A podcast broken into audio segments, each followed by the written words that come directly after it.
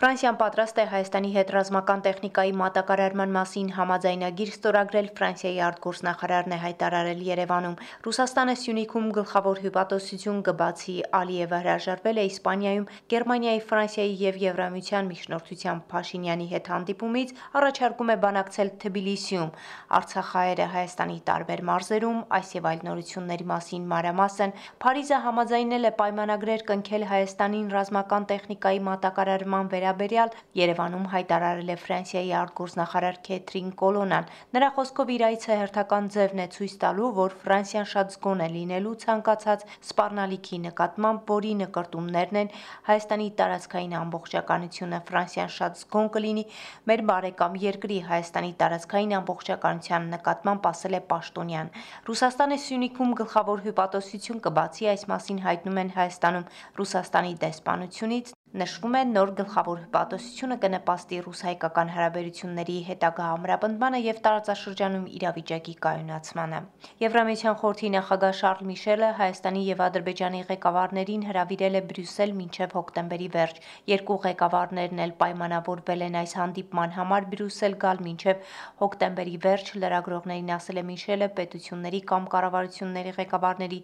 ոչ պաշտոնական հանդիպումից առաջ, որը տեղի ունեցել Իսպանիայի Գրանադա քաղաքում։ Հայաստանի վարչապետ Նիկոլ Փաշինյանը իսպանական Գրանադայում քարակողմ հանդիպում է ունեցել Ֆրանսիայի նախագահ Էմանուել Մակրոնի, Գերմանիայի կանցլեր Օլաֆ Շոլցի եւ Եվրոպական խորհրդի նախագահ Շարլ Միշելի հետ։ Հոկտեմբերի 5-ին Գրանադա Ալիևը հրաժարվել էր մեկնել, պատճառը ասել է թե Ֆրանսիայի ապակառուցողական դիրքորոշումն է, ինչպես նաև Գերմանիայի եւ Ֆրանսիայի անհամաձայնությունը բանակցություններին Թուրքիայի նախագահի մասնակցության հարցում։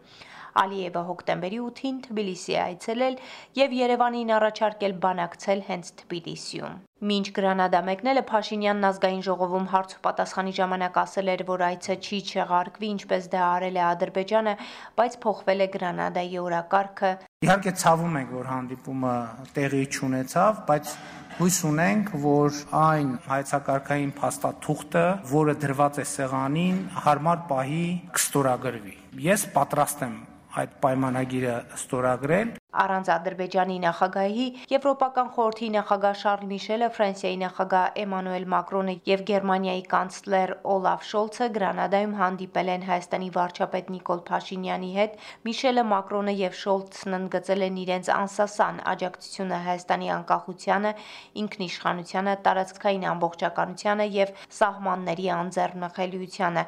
Նրանք շեշտել են Հայաստանին հավելյալ մարդասիրական օգնություն տրամադրելու անհրաժեշտությունը Լեռնային Ղարաբաղի հայերի զանգվածային տեղահանման հետևանքները հաղթահարելու համար ընդգծել են, որ տեղահանված անձինք պետք է ազատորեն օգտվեն իրենց տներ եւ իրենց բնակության վայրեր վերադառնալու իրավունքից առանց որևէ պայմանների միջազգային մոնիտորինգի ներքո եւ նրանց պատմությունը, մշակույթը եւ մարդու իրավունքները պետք է հարգվեն։ Եվրամիության առաջնորդները նշել են, որ իրենք հավատարիմ են մնում Հայաստանի եւ Ադրբեջանի միջև հարաբերությունների կարգավորման ուղղված բոլոր ջանքերին, հիմնված Հայաստանի եւ Ադրբեջանի ինքնիշխանության, սահմանների անձեռնմխելիության եւ տարածքային ամբողջականության փոխադարձ ճանաչման վրա Արցախի հանրապետության լուծարման մասին որոշումից եւ Արցախի հայաթափումից հետո առաջին անգամ ազգային ժողովում տեղի ունեցած հարց ու պատասխանը պատգամավորների եւ կառավարության անդամների միջև անցել է լարված մթնոլորտում կամ ես կլինեմ վարչապետ կամ Հայաստանը վարչապետ չի ունենա Փաշինյանին մի քանի անգամ հիշեցրել են այս հայտարարությունը, որը ընդդիմադիրների համոզմամբ հանգեցրել է պատերազմի հետո Արցախի կորստի եւ դեռ հայտնի չէ թե ինչ նոր հետևանքների։ Ընդդիմադիրների հարցին ի պատասխան թե որքան է զբաղեցնելու կառավարության ղեկավարի աթոռը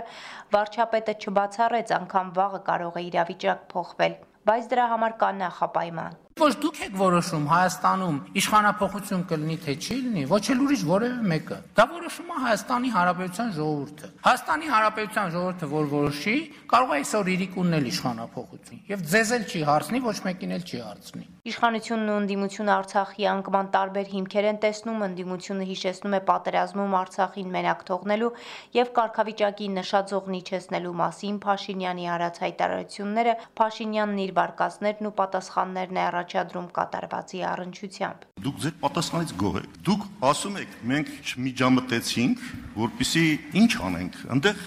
հապաղ միջամտելու անհրաժեշտություն գոյություն ուներ։ Հերոսակները հոշոտում էին մեր ժողովրդին։ Դուք ասում եք խաղաղ բնակչություն չի զոհվել։ Էթնիկ զտումները, որ տեղի են ունեցել, որից հետո հիմա դուք հայ դուք հակասում եք ըստ էության արտգործ նախարարության դիրքորոշմանը։ Դուք հիմա նորից հիմք եք տալիս Ադրբեջանին պաշտպանվելու։ Ազգային ժողովի դահլիճում հնչած բոլոր մեղադրանքներին ի պատասխան Փաշինյանն արձանագրել է. Եթե ձեր մղումը եւ նպատակադրումն այն է իսկապես հասկանալ թե ինչ է տեղի ունեցել թե եւ ինչ է տեղի ունենում, ես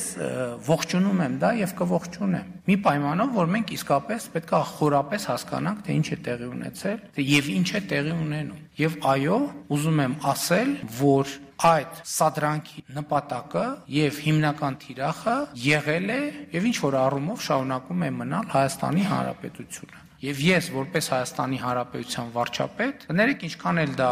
բան հնչի, առաջին հերթին իմ պարտականությունն է Հայաստանի Հանրապետության անվտանգությունը ապահովելը Հայաստանի ազգային ժողովն անցաչափած 60 կողմ 22 դեմ ձայների հարաբերակցությամբ վավերացրել է միջազգային քրեական դատարանի Հռոմի ստատուտը։ Ընդդիմադիր երկու խմբակցությունները դեմ են քվեարկել վավերացմանը Ռուսաստանի նախագահի ձերբակալման օրդեր տված միջազգային քրեական դատարանի կանոնադրությունը վավերացնելու Երևանի որոշումը Մոսկվան ոչ բարեկամական քայլ է որակել։ Օրերս Մոսկվայից սպառնացել էին Հայաստանի կողմից Հռոմի ստատուտի վավերացումն ամենաբացասական հետևանքները կունենա երկկողմ հարաբերությունների վրա առանց հստակեցնելու թե ինչ քայլերի կդիմեն։ Հայաստանը Հռոմի ստատուտը ստորագրել է 1998 թվականին, բայց մինչև հիմա չէր վավերացրել։ Պաշտոնական Երևանը հիմնավորման մեջ շեշտել է վավերացման անհրաժեշտությունը ընդգծելով Ադրբեջանի կողմից Հայաստանի նկատմամբ նոր ռազմական ագրեսիայի իրականացման ռիսկը շարունակում է մնալ բարձր, իսկ այն վավերացնելուց հետո նաև պատերազմական հանցագործությունները ենթակա են լինելու իրավազորության գործունեության, ինչը միանշանակ կհանդիսանա կանխարգելիչ եւ զսպող միջոց Ադրբեջանի համար։ Իսկ ինչ վերաբերում է Ռուսաստանի մտահոգությունը, միջազգային իրավական հարցերով Հայաստանի ներկայացուցիչ Եղիշե Կիրակոսյանը պարզաբանել է, որ Հռոմի ստատուտի վավերացումից հետո Ռուսաստանի նախագահ Վլադիմիր Պուտինին Հայաստան մուտք գործելուց հետո ձերբակալելու մասին չի կարող խոսք լինել, պետությունների գործող ղեկավարներն օժտված են իմունիտետով։ Փաշինյանն ավելի վաղ ասել էր, ստատուտին միանալը անկախությունը պաշտպանելու միջոցներից մեկն է Հայաստանին հնարավորություն կտա արտաքին անվտանգության ապահովման գործում օգտվել նաև միջազգային քրեական դատարանի հնարավորություններից։ Եվ այդ որոշումը որևէ կերպ ուղված չէ ՀԱՊԿ-ի կամ Ռուսաստանի Դաշնության դեմ։ Հայաստանը մարդու իրավունքների եվրոպական դատարանից պահանջել է պարտավորեցնել Ադրբեջանին ազատ արձակել Լեռնային Ղարաբաղի ներկա եւ նախկին ղեկավարներին, որոնց նկատմամբ Բաքուն ծանր մեղադրանքներ է առաջադրել։ Արցախից բռնի տեղահանվածներից շատերը դեռ հիմնական կացարան չունեն, նրանց մի մասն ապրում է բարեկամների ու ծանոթների տներում, մի մասը պետության տրամադրած կացարաններում, չնայած կառավարությունը Երևանում ժամանակավոր կեցավայրեր չի առաջարկում, շատերը նախընտրում են մայրաքաղաքը կամ դրան մոտ բնակավայրերը, իսկ Երևանում ժամ առ ժամ բարձրանում են բնակարանների վարձավճարները։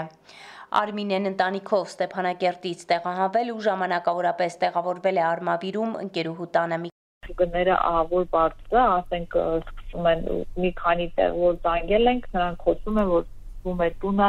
300.000-ի, չէ 1000-1200 դոլար շատերը կարծում են, որ պետությունն է այդ վարձը տալու, Անշարժ գույքի մասնագետները ասում են այս պահին Երևանի բնակարանային ֆոնդը համարյա սպառված է, վարձող տրվող ազատ բնակարաններ գրեթե չկան։ Կառավարությունը տեղահանվածներին Երևանում կացարաններ չի առաջարկում, թե 100 հազարից ավելի տեղահանված արցախցիների որ մասն է բնակություն հաստատել մայրաքաղաքում, հստակ չէ։